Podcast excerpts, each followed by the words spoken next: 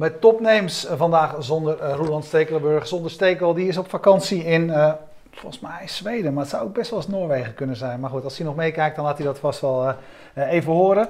Dus kijk je nu live mee. Zweden is een heel gevaarlijk land, dus het zou kunnen dat we niks van hem horen. Um, uh, kijk je uh, nu live mee, uh, stel je vragen met de hashtag FMT, zodat ik me door jullie gesteund voel.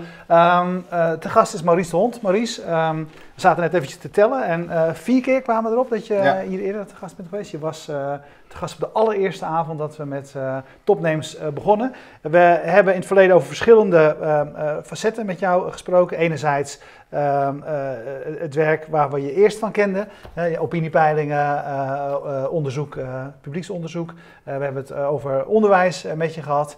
Um, vandaag wil ik het in eerste instantie, het kan best zijn dat we over die andere onderwerpen ook te spreken komen, met je hebben over ehm, de democratie. Een klein onderwerp. Maar ik zag jou onlangs op televisie en de vraag aan jou was op wie jij zou ga gaan stemmen. En jij zei, ik ga niet stemmen. even bij het begin, waarom niet? Nou eigenlijk bij de essentie voor het niet stemmen is dat het hele systeem ehm, in de 19e eeuw is bedacht, in de 20e eeuw best goed heeft gefunctioneerd, maar inmiddels volledig achterhaald is. En dat de politici ontzettend veel gedaan hebben, zeggen ze de afgelopen vier, vijf jaar, hervormen, hervormen, hervormen.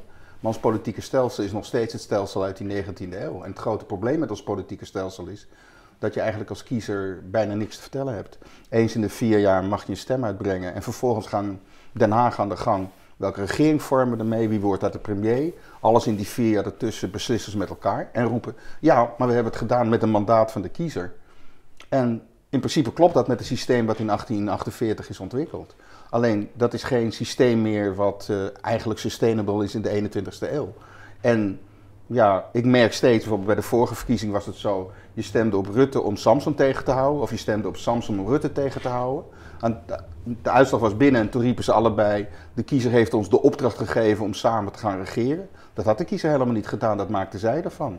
En ik wil me eigenlijk niet meer bewegen in een soort situatie waarin ik een soort onbeperkt mandaat geef aan wie dan ook, die vervolgens doet wat hij of zij hem goed vindt en over vier jaar zegt: als je eh, vier jaar lang tegen me kan zeggen, mocht je wat te klagen hebben, kom over vier jaar terug, dan mag je dan weer stemmen. Ja.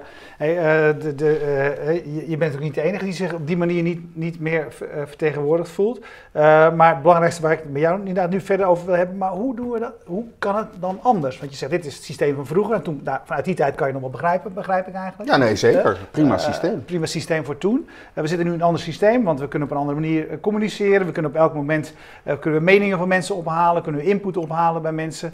Als, jij, als, jij, uh, als het aan jou ligt, hoe zou het er nu beter uit kunnen zien? Ja, dan moeten we toch nog even teruggaan naar waarom het systeem was zoals het was mhm. en waarom het goed functioneerde. Het was zoals het was, omdat, en dat, ik heb in 1995 een boek geschreven, dankzij de snelheid van het licht, omdat ik zo van overtuigd was dat internet gigantische gevolgen zou hebben op allerlei aspecten van ons geleding. En als je kijkt naar bijvoorbeeld het begin van de industriële revolutie en later dus van, laat ik zeggen, de digitale revolutie, dan bouw je, als eenmaal die revolutie geweest is, je samenleving gebaseerd op de technologie van dat moment.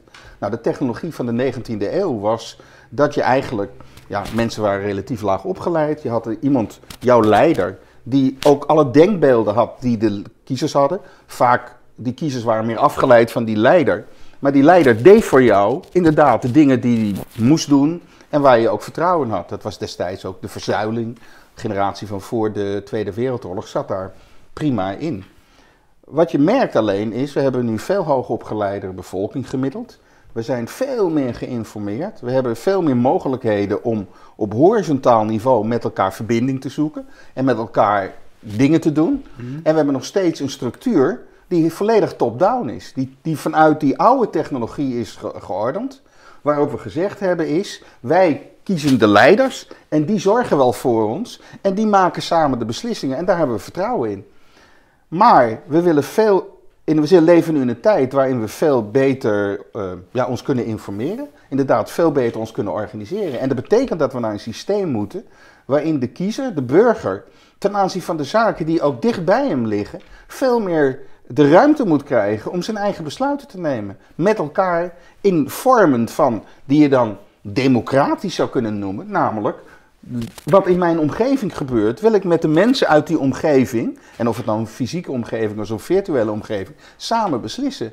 En me niet automatisch onderwerpen aan een hoger gesteld systeem, wat alleen maar, bijna alleen maar top-down redeneert. Mhm. En die top-down was begrijpelijk 30, 40, 50 jaar geleden, maar vandaag de dag niet. Dus als je naar een systeem gaat, dan zal je twee belangrijke dingen moeten doen. Je zal de dingen die dicht liggen bij de burger zelf, aan de burger zelf moeten overlaten en niet centraal moeten willen regelen. Dus veel meer ruimte geven om dat in te vullen zoals jij en de anderen zoals jij dat willen. Met natuurlijk vormen van beheersbaarheid, maar wel vormen van meerderheden of groeperingen. En je zal het politieke stelsel ook veel meer moeten richten vanuit uh, het, het gebruiken van de know-how en kennis en betrokkenheid van kiezers. En ik heb in 2003 al een keer op mijn website. Sorry. Een momentje, want ik heb het gevoel dat je af en toe. Je, je sorry. Ik, hoort, deze uitzending moet dat kunnen, hè, maar dat je een beetje tegen je, tegen je ding aangaat. Dus ja, in 2000. Nou, in 2003 heb ik op mijn website heb ik, uh, al een, een, een, stuk geschreven wat daar dan over gaat. Kijk, wat, wat het grote probleem met ons systeem is. We kiezen op 15 maart, kiezen we partijen. Die partijen gaan daarna wel uitmaken wie, welke regering ze vormen. En daarna zitten ze met elkaar bij elk probleem wat er is, proberen eruit te komen om compromissen te sluiten en vervolgens verder te gaan. Wat de kiezer ervan vindt is, is irrelevant. Hebben we nog wel een beetje referenda inmiddels, maar dat betekent ook niet veel. Uh, dat is eerder een lastige vlieg die de politiek wegslaat dan dat het een echte invloed is. Nou, ik heb toen voorgesteld, eigenlijk moet je zeggen, je kiest het bestuur los van de controle op het bestuur. Wat wij doen is, we kiezen de Kamer en die regelt zelf het bestuur. En als ze dan een coalitie hebben gevormd, dan elk voorstel wat er is, wordt wel in die Kamer met meerderheden gedaan, want dat hebben ze toch al geregeld. Dat hebben ze afge, afge nou, Je kiest een bestuur en je kiest de controle op het bestuur. Dat bestuur kan bijvoorbeeld een premier zijn, die met meerderheden wordt gekozen, bijvoorbeeld in twee, uh, zoals bijvoorbeeld in Frankrijk of in Amerika.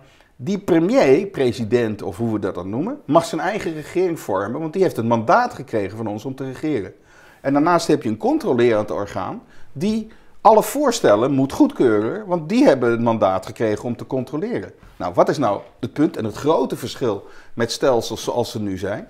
Op het moment dat een bestuur met voorstellen komt die een Kamer, een controlerend orgaan, niet wil aannemen, dan zit je dus eigenlijk met twee partijen die een mandaat van jou hebben om te opereren. Zij komen er samen niet uit. Dan is dat het moment waarop een regering die iets door de Kamer wil krijgen, niet door de Kamer aangenomen krijgt, over de Kamer heen kan en zegt: Ik zit hier met een mandaat om te regeren, deze om te controleren. We zijn het er niet mee eens. We, leggen het voor in een soort referendum, maar dan niet meer voor of tegen. Je moet alleen kijken of er genoeg mensen voor zijn om als het ware de Kamer te overrulen. Het interessante aan zo'n stelsel zou zijn dat, zo dat in dat proces wat nu plaatsvindt, vindt het alleen maar plaats binnen de vierkante kilometer van het Binnenhof. Maar in dat geval, zowel de regering als de Kamer gaan zich bezighouden met draagvlak organiseren. Om kiezers erbij te betrekken, omdat dat draagvlak in dat proces een rol speelt. En last but not least, kiezers hebben het gevoel dat ze serieus genomen worden. Dat betekent echt niet dat alles wat ik wil dan aangenomen wordt, maar ik zal accepteren als er andere meerderheden zijn, dat dat op een andere manier gaat. Nu kan ik voortdurend denken van, ik heb geen invloed. Maar, jij, maar je, je zegt uh, van oké, nu is het zo, ik stem één keertje en daarna is, is het, uh, nou, heb ik vier jaar eigenlijk niks te zeggen en gebeurt, gebeurt er van alles.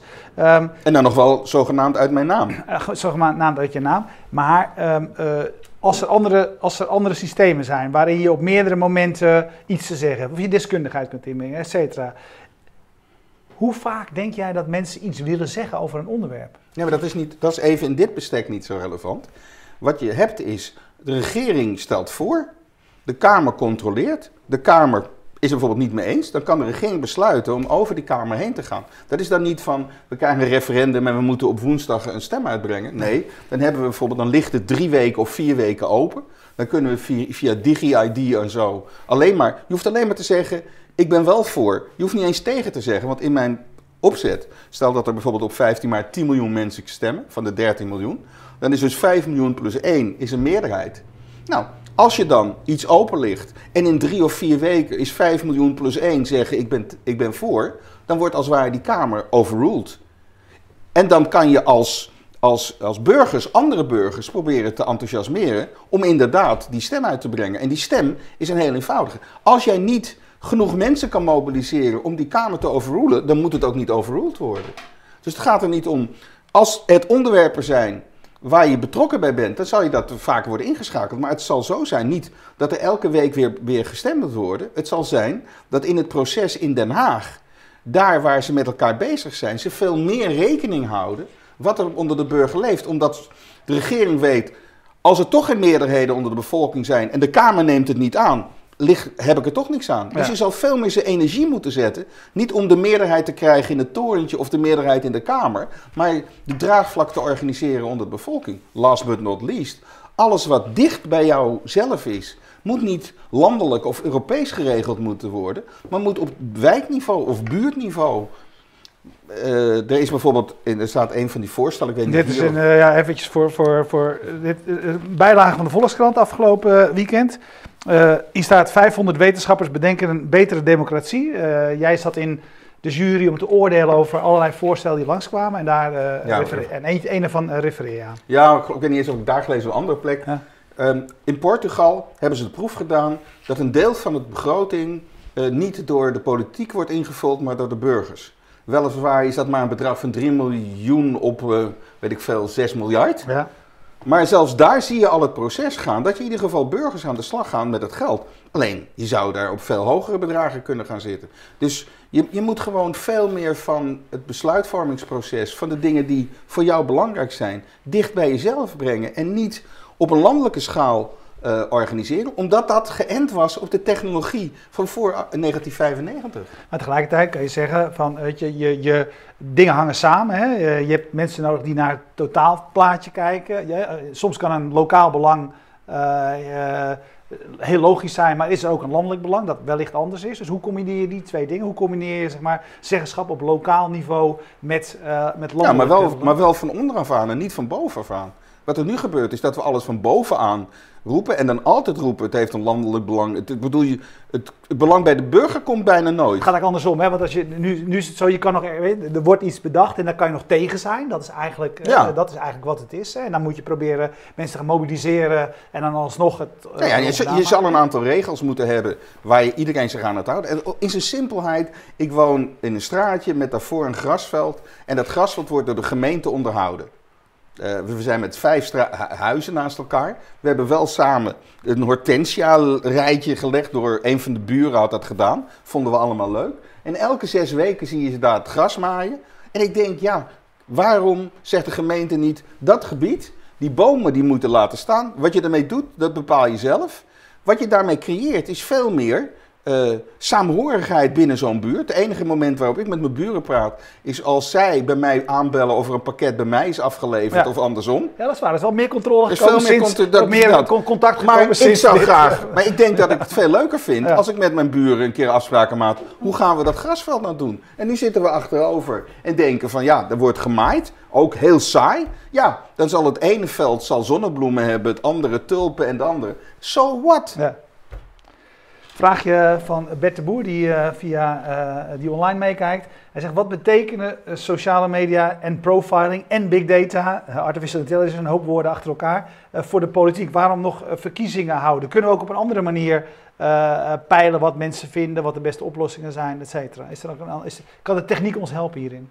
Nou ja, techniek kan helpen op de manier zoals ik net zei. Ik vind het terecht dat je mensen die bepaalde rollen moeten vervullen, zoals een premier, zoals Kamerleden, maar ook directeur van een ziekenhuis of, of baas van een school. Ik denk dat er veel meer naar de mensen die daar werken en de mensen die daar patiënt zijn, of de mensen die, de ouders op scholen, veel meer invloed moet hebben. Wat wij doen, we, omdat de geldstroom van bovenaf gaat, weliswaar het geld wat wij er eerst van boven hebben ingestopt, is het voor ons van bovenaf aan, wordt alles gereguleerd wie daar de basis enzovoort. Terwijl we een hele mondige mensen hebben.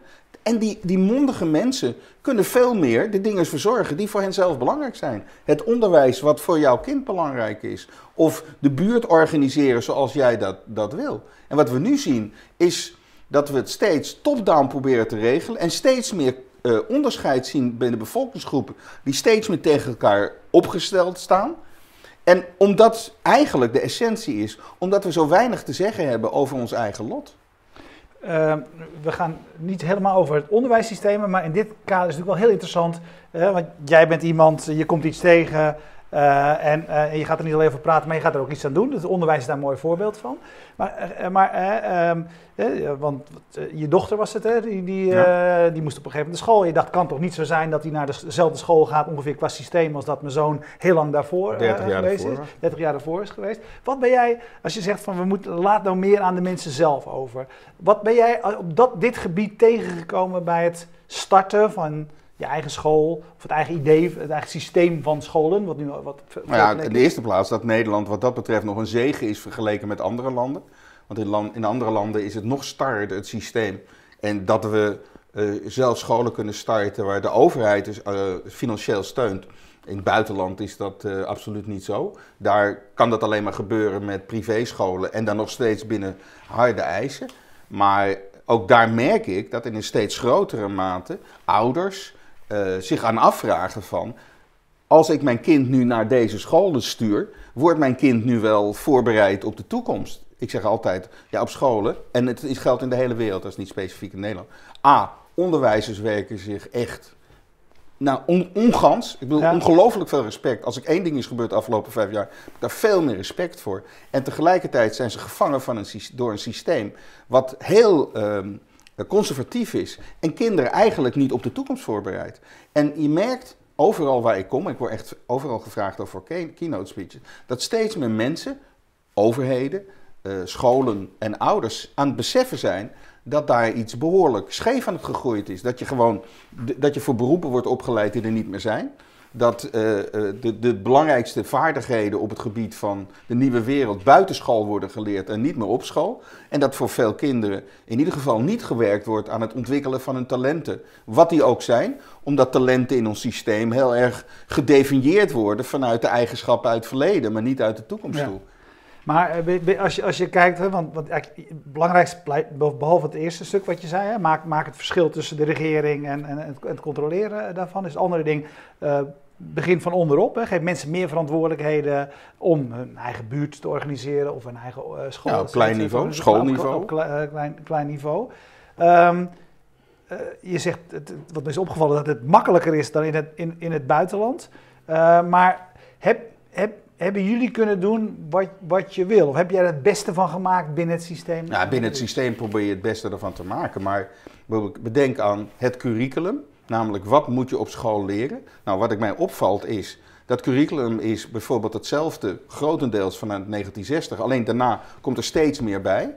Want ik hoor vaak politiek of in kranten. Op school moet je ook dit doen, op school moet dit erbij en dit erbij. Ik hoor nooit iemand zeggen, laten we dat er dan even afhalen. Ja. En laten we ruimte creëren om dat soort dingen te doen. Dus je zit heel strak in een curriculum uit het verleden. Ik maak in mijn verhalen altijd de volgende vergelijking. Als jij in 1920 leerde autorijden, dan was de helft van de cursus bestond uit het leren repareren van de auto. Die ging namelijk elke 10 kilometer kapot. Ja. Dus als je hem niet kon repareren, kon je eigenlijk ook niet rijden.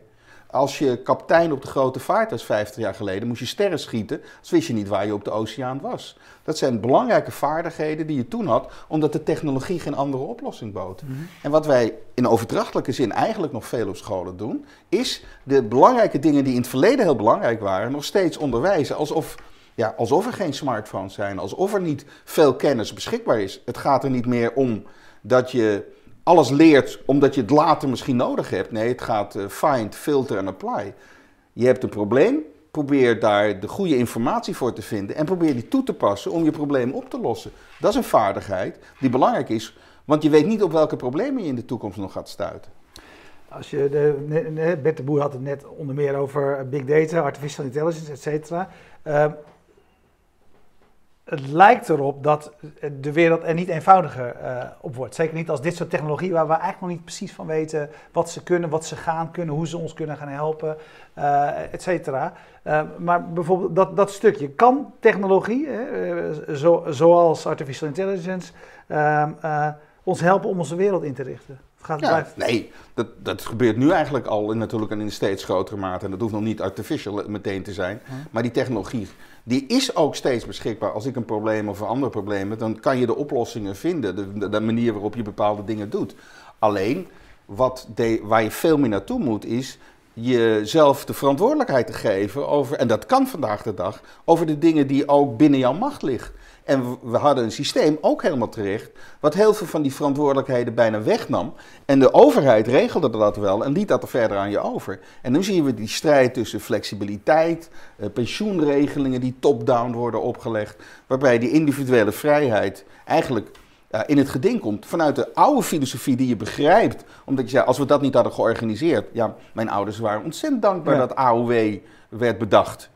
Uh, Um, want ze weten ook nog hoe het was voordat er AOW was. Maar een deel van al die zaken moeten veel meer worden geïndividualiseerd, waardoor de mensen in hun eigen situatie een veel meer toegesneden oplossing kunnen krijgen. En daar kan die technologie een hele belangrijke rol bij spelen. Maar we hebben nog steeds systemen die alles top-down organiseert en regelt. En dat wordt een steeds grotere frictie. En die frictie uh, die beschrijf ik ook wel eens, want dat is eigenlijk ook iets wat ik in dat boek in 1995 al een beetje eh, beschreven had. Eigenlijk zien we dat de grote instituten, die zie je nog wel min of meer overeind staan, of langzamerhand zijn een deel verdwenen.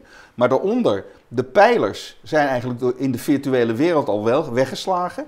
En het is eigenlijk steeds wachten op een aardbeving en dan stort zo'n institutie in. Dan zie je hem nog staan en even later is hij weg. En ik ben even sterk het gevoel dat het momenteel aan de gang is met ons democratisch stelsel in de hele wereld, waar die althans is.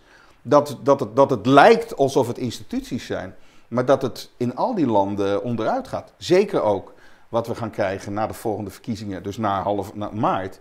Moet je maar eens kijken hoe we hier een regering kunnen vormen. En in welke mate we bijvoorbeeld de PVV, ongeacht welke uitslag die precies haalt, is de kans heel klein dat ze in een regering zitten. Dus de groep die zich toch al verongelijkt voelt en op die partij stemt, kan zich daarna nog meer verongelijkt voelen. Er moeten vier of vijf of zes partijen met elkaar gaan overleggen om een regering te vormen. Lijkt me ook niet een, een, een, een, stabiliteit, flex, terwijl je in een fase verkeert waar je flexibel moet kunnen handelen en snel moet kunnen handelen.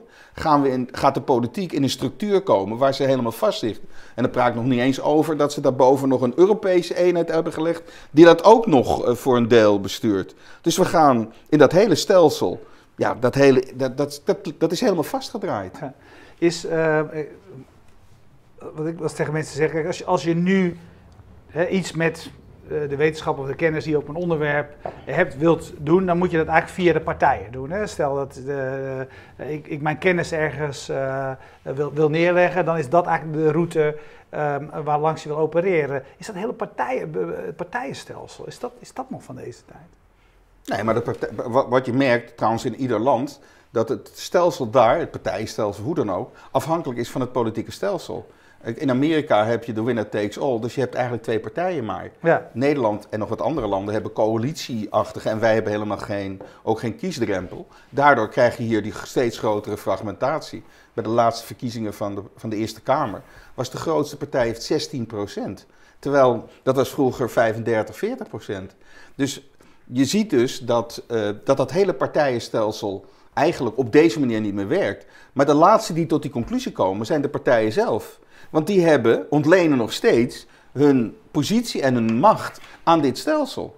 Dus van binnenuit gaat zo'n stelsel zichzelf niet vernieuwen. Dat is ook historisch zo. Dat gebeurt altijd van buiten. Als het systeem zelf niet meer adequaat kan reageren op de uitdagingen. En dan zie je dat er bewegingen van buiten zijn die dat dan uh, gaan veranderen. En je ziet, het grote probleem in Europa is ook dat je al die landen hebt die ook nog van elkaar afhankelijk zijn. Er hoeft maar in één land, uh, in bijvoorbeeld een sterke anti-Europa-partij, de macht te krijgen. En je hebt ineens weer bij unanimiteit, kunnen ze niet meer besluiten. Dus je ziet gewoon eigenlijk in slow motion dat systeem onderuit gaan. En de opvolging, zal, bedoel dat, ik verwacht echt best een periode met, met onrust en chaos. Ten aanzien van wat wordt het nou uit. Maar ik denk dat we steeds meer naar situaties komen waar de dingen die dicht bij jezelf liggen, dat je daar steeds meer zelf de verantwoordelijkheid voor krijgt.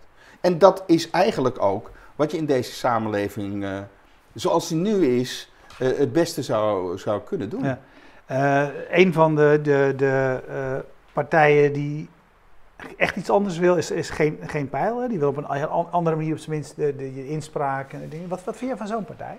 Nou, twee dingen. In de eerste plaats lijkt het erop dat ze weinig aanhang hebben, dus dan, be- dan betekent Dan- het niks. dan ik niks, En de tweede plaats, net zo goed als met referenda in ons huidige stelsel, het is een soort eh, verbandje voor een stelsel wat eigenlijk niet meer functioneert. Dus het is een soort eerste teken van hoe het misschien anders zou kunnen. Maar als je het combineert, eh, als je het, eh, het referendum zoals we het nu hebben georganiseerd, koppelen aan het, het stelsel zoals we nu het hebben, dan wordt het alleen maar ellende. Dus dat Oekraïne-referendum, dan wist je gewoon, wat ook de uitslag was, dat het ellende was. En ook nog met de belachelijke 30% grens, dan, dan Ja. wel of niet. Nou, dat, en dan wordt gezegd, ja, wat zeggen ze dan? Het referendum werkt niet. Ja, waarom werkt het referendum niet? Omdat het op een oud systeem wordt gezegd. Er is een fantastische eh, de definitie die ik van iemand had gehoord, maar vaak gebruik over vernieuwingen en technologie. Dat is OO plus NT is EOO. Old Organization plus New Technology is Expensive Old Organization. Dus als je nieuwe dingen toepast op een oude organisatie, wordt die oude organisatie geen nieuwe. En wat je dan ziet, ja, dat vernieuwing werkt niet. Dus nee, dat idee van referenda is op zichzelf goed. Maar dan moet je het in een nieuw stelsel inpassen. En Ja. niet op een oud stelsel plakken. Want het oude stelsel wordt er niet beter op. En dat nieuwe wordt er ook niet beter op. Als ik aan jou vraag, wat is het allerbelangrijkste? Is dat dan begin van, vanaf de, in, in, plaats van top-down, begin vanaf de basis? Ja, natuurlijk. Probeer zoveel mogelijk situaties te creëren waarin, je, waarin burgers daar waar het hun eigen leven betreft, dicht bij hunzelf. ehm, met natuurlijk wel bepaalde randvoorwaarden, maar binnen die randvoorwaarden geef mensen vrijheden om dingen onderling te regelen. Maak daar ook afspraken eh, van. Wat, wat leg daar structuren voor aan. Structuren die niet alleen fysiek hoeven te zijn, maar natuurlijk ook virtueel kunnen zijn. En, en dan hou je over wat je landelijk ook nog duidelijk moet re- regelen. Maar ook daar moet het steeds meer gaan vanuit brengen terug naar het niveau van de, van de burger zelf. En de manier waarop die burger dat kan organiseren. En rechtsom of linksom, of dat vijf jaar duurt, of tien jaar of twintig jaar duurt. De nieuwe situaties die we gaan krijgen, de nieuwe organisatievormen, de nieuwe eenheden, entiteiten, zullen bestaan uit, entiteiten die zelf veel meer eh, ruimte krijgen, en nemen althans, om zelf dingen te besluiten.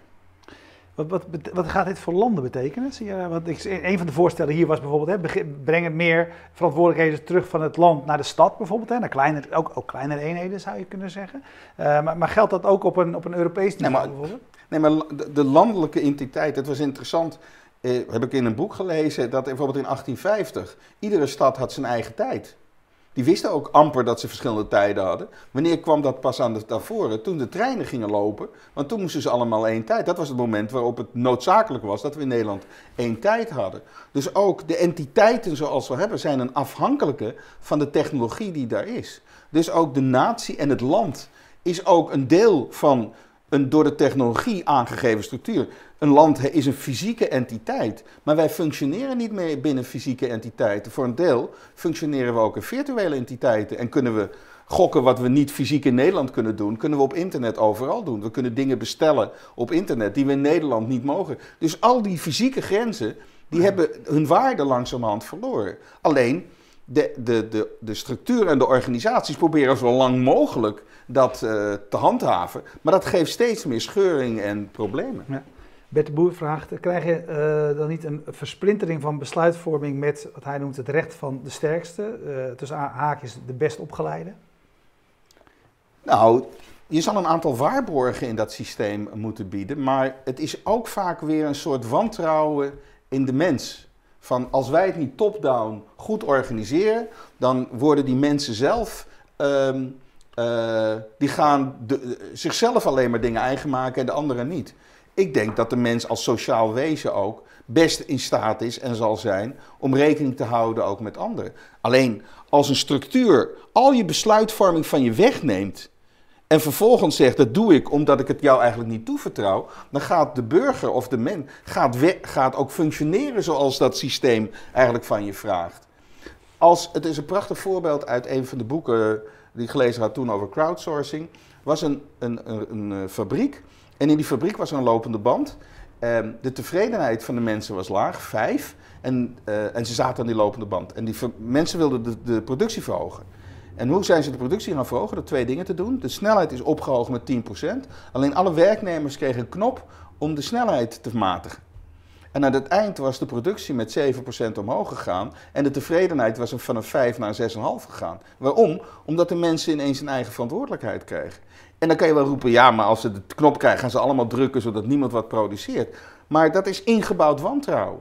Als je juist vertrouwen geeft, krijg je ook vertrouwen terug. Maar als je niet vertrouwen geeft, ja, dan krijg je ook geen vertrouwen terug. En ik denk dat, je, dat, dat mensen heel goed in staat zijn, zeker ook als je um, veel meer ook in, in de, de opleiding van mensen of in de plekken waar ze terechtkomen, de nadruk legt niet op de, alle cognitieve vaardigheden, maar juist op sociale interactie, op processen, hoe je met elkaar dingen bereikt, hoe je projecten. Je moet op school veel meer real-life projecten doen, vooral projecten die ten dienste staan van de samenleving, waar kinderen samen kunnen werken om uiteindelijk iets voor hun buurt of voor iemand uit de buurt uh, uh, of een ander probleem, om daar een oplossing voor te vinden. Helder. Hey, je gaat uh, nog steeds niet stemmen? Nee, ik ben niet van plan om te gaan stemmen. En is dat, uh, of, of, ga je on, of ga je ongeldig stemmen? Of wat is de nee, nee, nee, want dat, of ik bedoel dat ongeldig stemmen, ja. dat, dat, dat, heeft helemaal niks te maken met die uiteindelijke uitslag. Nee, nee ik, ik, ik, ik ben echt zo bang dat als ik nu stem, dat ik, dat ik vervolgens op, die, op de avond van de 15e van die politicus of de weken daarna, dat hij gewoon iets gaat doen waarbij hij kan zeggen, maar ja, ik heb toch van mijn kiezers dat mandaat gekregen. Ja. Nou, dat man, de, de, laatste anekdote van mijn, uh, mijn uh, schoonouders uit Cuba waren hier tien jaar geleden. Uh, goed opgeleide mensen, maar in het communistische systeem van Cuba. Wat wel wat iets anders is dan het Oost-Duitse. Maar die waren hier, die zagen toen Balkenende op tv. Die vroegen mij ook. Goh, Balken, is dat jullie premier? Kies je die? Toen zei ik, nou, nee, nee, de regering. Kies je dan de regering? Zei ik, nou, niet precies 76 zetels. Oké. En burgemeesters, kiezen jullie die? Zei ik, nou, niet precies. En referenda, hebben jullie die? Zei ik, nou, we hadden die één keer, toen stemden we nee, die zullen we wel niet meer krijgen. Waarop zij zeiden, oh, nu snappen we hoe democratie werkt. Ja, mooi. Heel ontzettend bedankt. Uh, en uh, nou ja, we gaan je hier natuurlijk uh, weer terugzien.